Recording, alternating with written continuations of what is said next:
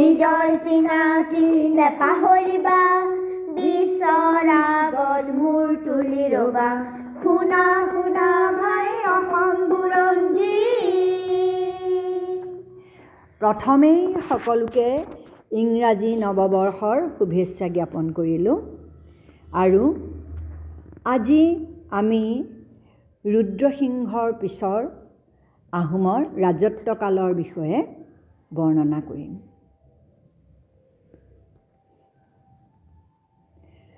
মনত আছেনে বাৰু? ৰুদ্ৰসিংহৰ মৃত্যুৰ পিছত কোন ৰাজপাটত উঠিছিল? তেওঁৰ পুত্ৰ? অঁ তেওঁৰ পুত্ৰৰ নামটো মনত আছে নাই? নাই। ৰুদ্ৰসিংহৰ মৃত্যুৰ সময়ত কি হৈছিল? তোমাৰ মনত আছে নাই যে হেৰি তেওঁ তেওঁ কিহৰ কাৰণে গৈ আছিলে? কিহৰ কাৰণে গৈ আছিলে? বঙাল দেশখন অধিকাৰ কৰিবলৈ। মোগলৰ বিৰুদ্ধে যুদ্ধ কৰিবলৈ গৈ আছিলে। হয় নহয়। গুৱাহাটীলৈকেতো গৈ পালেগৈ। হয় নহয়? তাৰপিছতে কি হ'ল? তেওঁ তাতে গা বেয়া হ'ল।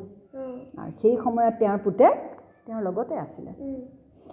ৰুদ্ৰসিংহৰ যেতিয়া মৃত্যু হৈছিলে যেতিয়া তেওঁৰ ডাঙৰ পুতেক শিৱসিংহ তেওঁৰ নামটো। তেওঁৰ নামটো তেতিয়া শিৱসিংহ নাছিল কিন্তু তেওঁ ৰজা হৈ পেলাই শিৱসিংহ নাম লৈছিলে। আৰু তেওঁৰ মৃত্যুৰ সময়ত তিনিজনা ডাঙৰীয়াই তেওঁ গুৱাহাটীতেই ৰজা পাতিলে। তিনিজনা ডাঙৰীয়া মানে জানা নহয়। বৰগোহাঁই বৰপাত্ৰ গোহাঁই? বুঢ়া গোহাঁই। এই তিনিওজনা ডাঙৰীয়া তাতেই আছিলে। গতিকে তেওঁলোকে মিলি পেলাই যেতিয়া ৰুদ্ৰসিংহৰ যেতিয়া মৃত্যু হ'ল তেতিয়া তেখেতক কি কৰিলে ৰজা পাতিলে আৰু তাৰপিছত কেইদিনমানৰ পিছতেই দা ডাঙৰীয়াসহ তেওঁ ৰাজধানী ৰাজধানী ৰংপুৰলৈ আহি শিঙৰি ঘৰত উঠি আহোম মতে চুটানফা আৰু হিন্দু মতে শিৱসিংহ নাম ল'লে।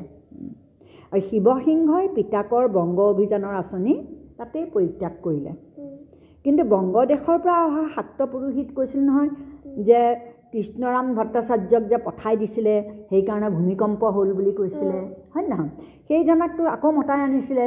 কিন্তু তেওঁ দীক্ষা ল'বলৈ নপাওঁতে তেখেতৰ মৃত্যু হ'ল। এতিয়া বাপেকে কৈছিলে যে এখেতক তুমি কিন্তু এখেতক পঠাই নিদিবা। তেনেকৈ কৈ কৈ থৈ গৈছিলে। সেইকাৰণে পুতেকে কি কৰিলে? তেওঁৰ ওচৰত শৰণ ল'লে। শৰণ লৈ তেওঁক ৰাজগুৰু পাতিলে আৰু কামাখ্যা মন্দিৰৰ সকলো দায়িত্ব দি মাটি বাৰীসহ তাত তেওঁ স্থাপন কৰিলে। আৰু তেতিয়াৰ পৰাই কৃষ্ণৰাম ভট্টাচাৰ্য আৰু তেওঁৰ উত্তৰ পুৰুষসকলক পৰ্বতীয়া গোসাঁই নামে জনাজাত হ'ল। তাৰপিছত ৰজা হোৱাৰ পিছতে এটা ডাঙৰ ঘটনা গুৰুত্বপূৰ্ণ ঘটনা এটা ঘটিলে। কি হ'ল জানানে? এই ৰাজঘৰীয়া দৈৱজ্ঞই ভৱিষ্যতবাণী কৰিলে যে ৰজা শিৱসিংহৰ ছত্ৰভংগৰ যুগ পৰিছে। তাৰমানে যদি ৰজা হৈ থাকে যদি ৰজা শিৱ শিৱ সিংহ যদি ৰজা হৈ থাকে তেতিয়াহ'লে তেওঁ কি হ'ব? তেওঁ ৰজা ভাঙিব তাৰমানে ৰজা ভাং খাই যাব। তাৰমানে তেনেকুৱা এটা যুগ পৰিছে যে ছত্ৰভংগ বুলি কয় তাৰমানে তেওঁ ৰজা ৰাজৰ পৰা ৰাজসিংহাসনৰ পৰা তেওঁক আঁতৰাই পঠিওৱা হ'ব এনেকুৱা ধৰণৰ ষড়যন্ত্ৰ হৈ যাব। তেনেকৈ যেতিয়া ক'লে ভৱিষ্যতবাণী কৰিলে তেতিয়া তেওঁ কি কৰিলে? পৰ্বতীয়া গোসাঁই তাৰমানে সেই তেওঁ যে তেওঁৰ গুৰুৰ ওচৰত সুধিলে এতিয়া কি কৰিম? তেতিয়া তেওঁ ক'লে পৰ্বতীয়া গোসাঁই ক'লে যে তুমি ৰাজকাৰ্যৰ পৰা বিৰত থাকা। ৰজা ৰাজকাৰ্য বিৰত মানে নাথাকিবা ৰাজকাৰ্যত তুমি হাত নিদিবা। অন্য কামবোৰ কৰিবা কিন্তু তুমি যিখিনি ৰজাই দৰবাৰলৈ গৈ পেলাই এইবোৰ বিচাৰ বিবেচনা কৰে হয় নাই? তাৰপিছত ক'ত কি কৰিব লাগে এইবোৰ যে কৰে সেইবোৰ কামৰ পৰা তুমি সেইবোৰ কামৰ পৰা বিৰত থাকিবা সেইবোৰ কাম তুমি নকৰিবা। আৰু তেতিয়া কি কৰিলে শিৱসংঘই তেওঁৰ বৰ কুঁৱৰী ফুলেশ্বৰী কুঁৱৰীক বৰ ৰজা উপাধি দি ৰাজ অঁ? ৰাণী যদিও তেওঁক উপাধিটো বৰ ৰজা দিলে তাৰমানে তেওঁহে ৰজা এতিয়া তেওঁৱেই বৰ ৰজা আৰু ৰাজদণ্ড হাতত দিলে আৰু দুয়োৰে যুগ্ম নামেৰে মোহৰ মৰালে। তাৰমানে যেতিয়া মোহৰ মানে এই যে হেৰি কৰে টকা পইচাত যে। অঁ কইনত যে মোহৰ থাকে নহয় তাত যেনেকৈ গান্ধীজীৰ ফটোখন আছে তেনেকৈ মানে আমাৰ যেনেকৈ সাৰনাথৰ হেৰি স্তম্ভটো আছে অঁ সাৰনাথ? অঁ অশোক স্তম্ভটো আছে নহয় সেই ঠিক তেনেকৈ তাত কিহৰ মোহৰ মৰালে? ৰজা ৰাণী দুয়োৰে মোহৰ মৰালে দুয়োৰে ফটোখন তাত থাকে। আৰু মানে য'তেই যেনেকৈ লগো দিয়ে আজিকালি সেই তেনেকৈ মানে য'তেই ক'ৰবাত চিঠি পঠাইছে কিবা হ'ব তাৰে দুইজনৰে তাত তাৰমানে হেৰি থাকিব গম পাইছা? মহৰ থাকিব মহৰ থাকিব। মহৰ মানে চাইন এনেকুৱা হেৰি কৰে চিল মাৰে যে চিল তাৰমানে চিলটো থাকিব। তাৰপিছতে কি হ'ল? এই তেতিয়া এই ৰাণী তাৰমানে বৰ ৰজা হৈ পেলাই হাতীত উঠি ফুৰি ফুৰা চকা কৰিব পৰা হ'ল। হা তাৰপিছত ফুলেশ্বৰী আগৰ নাম আছিলে ফুলমতী। আৰু তেওঁ সেই নৰ্তক পৰিয়ালৰ জীয়ৰী আছিলে। নাচ মানে আগৰ দিনত যে নাচ চাচ কৰে নহয় সেইবিলাকক বৰ ভাল চকুৰে চোৱা নাছিলে। এই তেনেকুৱা পৰিয়ালৰ তাৰমানে তেওঁ ছোৱালী আছিলে মানুহৰ আগত নাচে তাৰমানে। কিন্তু কিন্তু তেওঁ ইমানেই ধুনীয়া আছিলে যে শিৱসিংহই তেওঁ বিয়া কৰাইছিলে। ভুল কৰি পেলাই। আৰু বৰ ৰজা হৈ তেওঁ প্ৰমথেশ্বৰী নাম লৈছিলে। নাম লৈ ফুলেশ্বৰী কুঁৱৰী ৰজা শিৱসিংহতকৈও বেছি শাক্তপন্থী আছিলে। শাক্ত মানে হৈছে যে বলি দিয়া যে পূজা কৰা দুৰ্গা পূজা এইবোৰ দুৰ্গা পূজা কোনে কৰে? শাক্তপন্থীবিলাকে কৰে। আৰু বৈষ্ণৱপন্থীসকলে কি কৰে? কৃষ্ণৰ পূজা কৰে আৰু এইবোৰ ধৰা শংকৰদেৱৰ যিটো ধৰ্ম।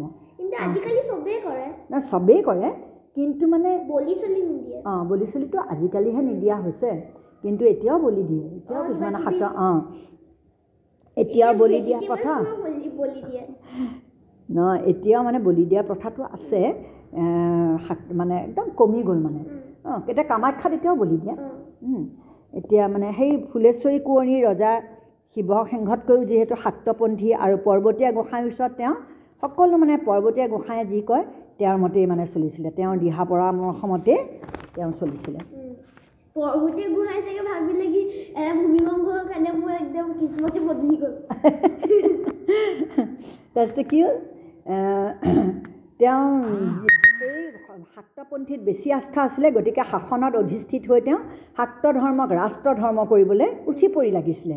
আৰু তেওঁ নাম সৰ্বস্ব ঠাকুৰীয়া বা ক্ষুদ্ৰ মহন্তসকলক মতাই নি আউনী এতিয়াৰ গড়মূৰ সত্ৰৰ অধিকাৰসকলৰ ওচৰত মূৰ দোৱাবলৈ বাধ্য কৰাইছিল। বুজিছা? তেতিয়া ভগৱতী দেউৰীৰ তত্বাৱধানত তেওঁ কি কৰিছিলে? মূৰ্তি শালগ্ৰাম ভাগৱত আদি পূজা সেৱা কৰিবলৈ দিছিল। আৰু ঠাকুৰীয়া মহন্তসকলে দেৱী পূজা নেমানে বুলি জানি তেওঁ মোৱামৰীয়া মহন্তকে আদি কৰি বহুতো মহন্ত আৰু মেধিক মতাই আনি ৰাজধানীত দুৰ্গা পূজাৰ মূৰ্তিৰ আগত সেৱা কৰিবলৈ দিছিল আৰু বলিৰ তেজেৰে তেওঁলোকৰ কপালত ফুট দিয়াইছিলে। এইবোৰ বেয়া কথা কৰিছিলে হয় নহয়? ভাল কৰিছিল জানো? তেতিয়াতো তেওঁলোকৰ মনত কি হ'ল? বিদ্ৰোহ হ'ব নাই? সেইকাৰণে তেওঁলোকৰ মনত তেওঁলোকৰ এটা মানে বিদ্ৰোহৰ মনত মানে বিদ্ৰোহী হৈ গৈছিলে। শাক্ত ধৰ্মক ৰাষ্ট্ৰ ধৰ্ম কৰি কৃষ্ণ ৰাম ভট্টাচাৰ্যক ৰাজগুৰু কৰি লোৱাত ক্ষুদ্ৰ মহন্তসকলৰ উপৰিও বামুণ গোসাঁই সকলো ক্ষুব্ধ হৈছিল। বিশেষকৈ আউনীআটীয়াৰ দক্ষিণপাট সত্ৰৰ গোসাঁয়ে ৰাজগুৰুৰ সন্মান হেৰুৱাব লগা হোৱাত অসন্তুষ্ট হৈছিল। সকলো বৈষ্ণৱ সত্ৰৰ দেৱালয়ৰ মূৰ্তি লুইতত পেলাই দি তাৰ ঠাইত শিল আৰু পিতলৰ দেৱী প্ৰতিমা অনাই স্থাপন কৰিবলৈ আজ্ঞা দি ফুলেশ্বৰীয়ে সকলো বৈষ্ণৱ ভক্তৰে ধৰ্মীয় জীৱনত আঘাত কৰিছিল। হ'লেও ব্ৰাহ্মণ গোসাঁইসকল সিমান অতিষ্ঠ হৈ পৰা নাছিল কিন্তু মোৱামৰীয়া মহন্তই তেওঁক কৰা অপমানৰ কথা কেতিয়াও পাহৰিব নোৱাৰিছিলে। মোৱা মোৱা মোৱামৰীয়া যে মহন্ত যিসকল মোৱামৰীয়া মহন্ত আছিলে। মোৱামৰীয়া এটা জাতি তাৰমানে তে- তেওঁলোকে এই বৈষ্ণৱ ধৰ্মটোক হেৰি কৰিছিলে। তেওঁলোকক যেতিয়া শাক্ত ধৰ্মত একদম বলি মানে ফুটো দি দিছিলে ন প্ৰসাদ খাবলৈ দিছিলে বেয়া পাইছিলে তেওঁলোকে মানে বিদ্ৰোহী হৈ উঠিছিলে। এতিয়া ফুলচৰি কুঁৱৰীৰ দিনতে আহোম সম্ভ্ৰান্ত বংশৰ সদস্যসকলৰ মাজতো অসন্তোষৰ সৃষ্টি হৈছে। তেওঁ ৰাজৰাণী হোৱাৰ লগে লগেই ককায়েকক বৰপাত্ৰ গোহাঁই আৰু দদায়েকহঁতক ক্ৰমে টিপাম ৰজা আৰু ঢেকীয়াল বৰুৱা পাতিলে। মাকক পুৰণি মেল কেঁকুৰা দোলা আৰু সোণৰ চোলা লগোৱা জাপি দিলে। ফুলেশ্বৰী কুঁৱৰীয়ে আহোম স্বৰ্গদেউসকলৰ মৰাশ দাহ কৰা প্ৰথাৰো প্ৰচলন কৰিলে। মানে আগতে মৈদাম কৰি পুতি থৈছিলে নহয় আৰু হিন্দু মতে যে জ্বলাই দিয়ে নহয় সেইটো জ্বলোৱাটো আৰম্ভ কৰিলে। আৰু এনেবোৰ কাৰ্যত কি হ'ল প্ৰাচীন সম্ভ্ৰান্ত বংশৰ আহোমসকলে মুঠেই ভাল পোৱা নাছিলে। আৰু ফুলেশ্বৰী কুঁৱৰীয়ে গৌৰীসাগৰৰ পুখুৰী খন্দাই তাৰ পাৰত শিৱ বিষ্ণু দেৱীৰ নামত তিনিটা দৌল নিৰ্মাণ কৰায়। এই যে হেৰি এতিয়া যে আমাৰ শিৱদৌললৈ যায় নহয় শিৱদৌল শিৱসাগৰৰ শিৱদৌল। তাতে তিনিটা আছে নহয় সেই সেইখিনিত মানে তেওঁলোকেই কৰিছিলে শিৱসিংহ আৰু ফুলেশ্বৰী কুঁৱৰীয়ে উম, আৰু এওঁৰ শিক্ষা দীক্ষাৰ প্ৰতিও আগ্ৰহ আছিল। ৰাজধানী ৰংপুৰত বৰ ৰজাৰ পঢ়াশালী নামৰ এখন সংস্কৃত বিদ্যালয়ো তেওঁ প্ৰতিষ্ঠা কৰিছিল। আৰু সোতৰশ একত্ৰিছ খ্ৰীষ্টাব্দত এই ফুলেশ্বৰী কৰি কোঁৱৰীৰ কি হয়? মৃত্যু। হয়। এতিয়া মৃত্যু হয়। তাৰমানে তেওঁৰ দিনত কিন্তু ফুলেশ্বৰীৰ সৰু ভনীয়ে. দ্ৰৌপদী শলাল গোহাঁই ঘৰ গোহাঁই ঘৰৰ বোৱাৰী আছিল। ফুলেশ্বৰীৰ মৃত্যুত শিৱসিংহই তেওঁ শিৱসিংহৰতো মৃত্যু হোৱা নাই ৰাণীৰহে মৃত্যু হ'ল। এতিয়া তেওঁ কি কৰিলে শিৱসিংহই তেওঁক অনাই অম্বিকা বা মদাম্বিকা নাম দি বৰ ৰজা পাতিলে। নিজে কেলে যে ক'লে যে ছত্ৰভংগৰ যুগ আছে বুলি ক'লে যে সেইকাৰণে নিজে হোৱা নাই আকৌ ৰজা। অঁ। তাৰ দ্ৰৌপদীয়েও শিৱসিংহ আৰু তেওঁৰ যুগ্ম নামেৰে মোহৰ মৰাইছিল আৰু এওঁৱেই শিৱসাগৰ পুখুৰী আৰু সোণৰ কলচীৰে শিৱদৌল নিৰ্মাণ কৰাইছিল। এই দৌল প্ৰাক ব্ৰিটিছ কালৰ অসমৰ সকলো দৌলতকৈ ওখ। এওঁৰ পৃষ্ঠপোষকতাতেই সুকুমাৰ বৰকাইঠে হাতী বিষয়ক বিখ্যাত শাস্ত্ৰ হস্তিবিদ্যাৰ নভ ৰচনা কৰিছিল। এইখিনি ভাল হৈছিলে কাম। আৰু সোতৰশ আঠত্ৰিছ খ্ৰীষ্টাব্দত এইগৰাকী বৰ ৰজা অম্বিকাৰো মৃত্যু হয়। গতিকে সেই বছৰত ৰজা শিৱসিংহই শলাল গোহাঁই জীয়েক অনাদৰিক বিয়া কৰাই বৰ ৰজা পাতি সৰ্বেশ্বৰী নাম দিলে। এওঁ পূৰ্বৰ দুগৰাকী বৰ ৰজাৰ নিয়মেৰে মোহৰ মৰাইছিল আৰু ৰাজমাওৰ দৌল বনাইছিল বন্ধাইছিল। তাৰপিছতে কি হ'ল? মাটি পিয়ল কৰাইছিল। মাটি মানে মাটিৰ জোখ এইটো মাটি পিয়ল বুলি কয়। শিৱসিংহৰ দিনত সোতৰশ সোতৰ খ্ৰীষ্টাব্দত উত্তৰৰ দফলা জনজাতিৰ একাংশই আহোম ৰাজ্যত উপদ্ৰৱ কৰাত ভৱিষ্যতে তেওঁলোকৰ আক্ৰমণৰ পৰা সীমান্তৰ প্ৰজাক ৰক্ষা কৰিবলৈ তেওঁ পাহাৰৰ কাষে কাষে এটা গড় বন্ধাইছিল এটা ৱালৰ নিচিনা ওখ ওখ গড় বন্ধাই দিছিল। আৰু শিৱসিংহই কামৰূপ আৰু বকতাত মাটি পিয়ল কৰাইছিল। এই পিয়লৰ হিচাপ ৰখা কাগজবোৰক কাগজবিলাকক কৈছিলে পেৰা কাগজ বুলিছিল। পেৰা? কাগজ তাৰমানে এই মাটি পিয়লৰ য'ত এইটো সেইটো নাম পেৰা মানে কি জানা? না বাকচ বাকচ। অঁ বাকচক আগতে পেৰা বুলি কয়। তা ইংৰাজে অসম অধিকাৰ কৰি লোৱা সময়লৈকে এই পেৰা কাগজবোৰ পোৱা গৈছিল। ঘৰ বাৰী থকা বস্তি মাটিৰ বাহিৰে বাকী সকলো প্ৰকাৰৰ খাজনাদায়ক আৰু খাজনাৰহিত মাটিৰ হিচাপ এই কাগজবিলাকত ৰখা হৈছিলে। শিৱসিংহৰ শিৱসিংহৰ ৰাজত্বকাল কেইবাটাও দিশৰ পৰা গুৰুত্বপূৰ্ণ আছিল। তেওঁৰ দিনত তেনেহ'লে কি কি হৈছিলে মই তোমালোক কৈ গৈছিলোঁ। ব্ৰাহ্মণ আৰু মহন্তসকলক কি কৰিছিলে? সেইটো কৰিছিল নহয় কিন্তু তেওঁলোকক মাটিও দান দিছিলে। ব্ৰহ্মোত্তৰ দেৱোত্তৰ অঁ। আৰম্ভ কৰা কৰিছিলে। মৃত্যু হ'লে দাহ প্ৰথা আৰম্ভ কৰিছিল। তাৰপিছতে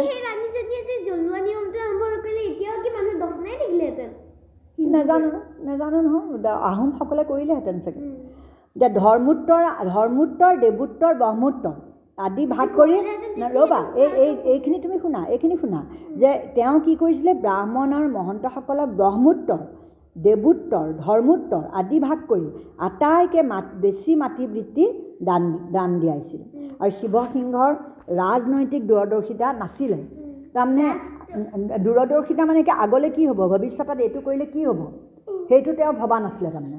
তেওঁ ৰাণীয়ে যি কয় তাকেই কৰিছিলে। সেইটো কাৰণেও মানে কি হ'ল প্ৰজাৰ ধৰ্ম যে মহাপুৰুষীয় বৈষ্ণৱ ধৰ্মটো তেতিয়া প্ৰজাৰ ধৰ্ম আছিলে কিন্তু তাৰ বিপৰীতে তেওঁ শাক্ত ধৰ্মটোক ৰাষ্ট্ৰ ধৰ্ম কৰি দিলে। আৰু তাৰ ফলত কি হ'ল ৰাজ্যখনত সকলোবোৰ মানুহ কি হ'ল বিদ্ৰোহী হৈ পৰিলে। সকলো মানুহৰ মনত বেয়া পালে। ৰাজ পৰিয়ালৰ ডা ডাঙৰীয়াসকলৰ মাজত এই ধৰ্ম ইমানদকৈ সোমাই পৰিছিল যে দেওধাই বাইলুং আনকি কোনো কোনো আহোম প্ৰজায়ো নিজ ধৰ্ম ত্যাগ কৰা ৰজাৰ এনে ধৰ্মীয় নীতিৰ প্ৰতিবাদ কৰিছিলে। আৰু প্ৰতিবাদ মানে এইটো ধৰ্ম কৰিব নালাগে তাৰমানে বিদ্ৰোহ কৰা। এইটো প্ৰতিবাদ কৰিছিল। আৰু ছাৰ এডৱাৰ্ড গেইটৰ মতে হিন্দু ধৰ্ম গ্ৰহণ কৰি বৰ্ণ প্ৰথাৰ একেবাৰে নিম্ন স্তৰত স্থান ল'ব লগা হোৱাত আহোমসকলে সামৰিক শক্তি আৰু গোষ্ঠীগত গৌৰৱ উভয়কে হেৰুৱাব লগা হৈছিল। আৰু আটাইতকৈ ডাঙৰ কথা হৈছিল এইটোহে যে তেওঁ আৰু তেওঁৰ উচ্চাভিলাষী পত্নী ৰাণী ফুলেশ্বৰী কোঁৱৰীয়ে শাক্ত ব্ৰাহ্মণসকলক সন্তুষ্ট কৰিবলৈ গৈ ক্ষুদ্ৰ মহাপুৰুষীয়া মহন্তসকলক দুৰ্গা পূজাৰ দ্বাৰা যি অপমান কৰিছিল সেই অপমানৰ কথা তেওঁলোকে কেতিয়াও পাহৰি যোৱা নাছিলে।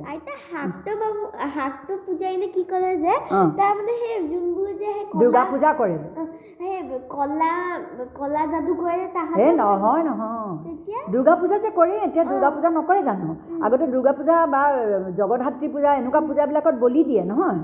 সেই সেইটো পূজা সেইটো শাক্ত তাৰমানে। সেইখিনি পূজা যিবিলাকে এনেকুৱা ভগৱতী? নহয় তান্ত্ৰিক অ' তান্ত্ৰিকটো বেলেগ তন্ত্ৰ মন্ত্ৰৰ দ্বাৰা যাদু মন্ত্ৰটো বেলেগ তন্ত্ৰ পূজা মানে এইটোত এইটো হৈছে শাক্ত মানে হৈছে শক্তিৰ পূজা। শক্তি শক্তি মানে ভগৱতীক শক্তি বুলি ভাবে। সেইকাৰণে যিবিলাকে এনেকুৱা মাইকী মানুহৰ পূজা কৰে তাৰমানে দুৰ্গা দেৱী মাইকী নহয় জানো? এই দুৰ্গা দেৱী পূজা কৰে এইবোৰ শাক্ত বুলি কয়। বুজিছা? দুৰ্গা দেৱী জগধাত্ৰী এইবোৰ যে পূজা কৰে এইবোৰ শাক্ত তাৰমানে। তাৰপিছতে এই স্বৰ্গদেউ শিৱসিংহৰ দিনত বহুতো গঠনমূলক কামো হৈছিল। তেওঁ সাহিত্য আৰু সংগীতৰ পৃষ্ঠপোষক আছিল নিজে সংগীত চৰ্চা কৰিছিল। এইজন স্বৰ্গদেউ আৰু ৰাণী ফুলেশ্বৰীৰ পৃষ্ঠপোষকতাত অনন্ত আচাৰ্যই আনন্দ লহৰী আৰু কবি চন্দ্ৰ দ্বিজে কাম কোমৰ হৰণ ধৰ্মপুৰাণ আদি গ্ৰন্থ ৰচনা কৰিছিল।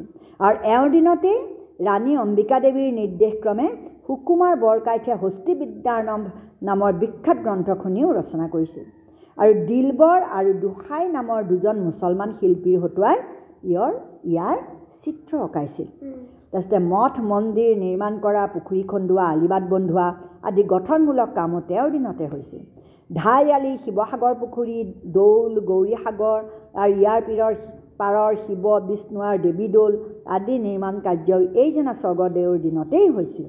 আৰু পিতাক ৰুদ্ৰসিংহৰ দৰে এওঁ শিক্ষা দীক্ষাৰ প্ৰসাৰৰ ওপৰত চকু দিছিল। ৰাণী ফুলেশ্বৰী কুঁৱৰীৰ নিৰ্দেশত ৰাজ্যত সংস্কৃত টোল স্থাপন কৰা হৈছিল আৰু সোতৰশ চৌ চৌৰাল্লিছ খ্ৰীষ্টাব্দত স্বৰ্গদেউ শিৱসিংহৰ মৃত্যু হয়। আৰু থাকিলে যদিও মানে শেষৰজনী যদিও জীয়াই আছিল শিৱসিংহৰ মৃত্যু যেতিয়া হ'ল তেওঁ মাত্ৰ তেওঁতো ক্ষমতা নাছিলেই। তেওঁ নামমাত্ৰ ক্ষমতাৰে কিমান বছৰ ৰাজত্ব কৰিলে? ত্ৰিছ বছৰ ৰাজত্ব কৰিলে।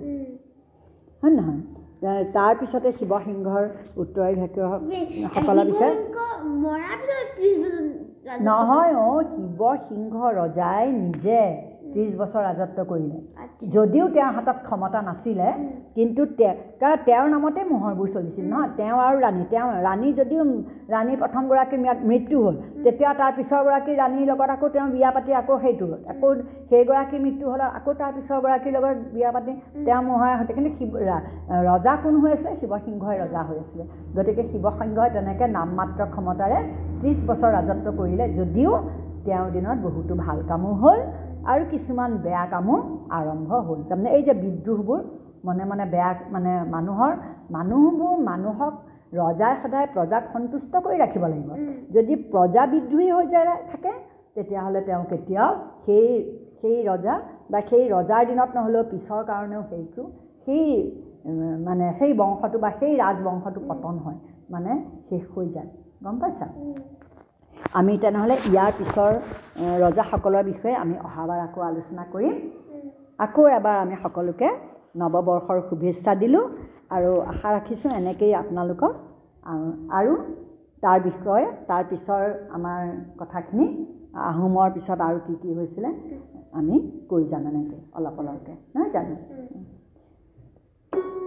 শুনা শুনা ভাই অসম বুৰঞ্জী অসমৰ ইতিহাস তোমাৰ চিনাকি নিজৰ চিনাকি নেপাহৰিবা বিশ্বৰ আগত মূৰ তুলি ৰবা শুনা শুনা ভাই অসম বুৰঞ্জী আমাৰ চেনেলটো ফ'ল' কৰি দিব? ভিডিঅ'বোৰ লাইক কৰি দিব আৰু শ্বেয়াৰ কৰি দিব।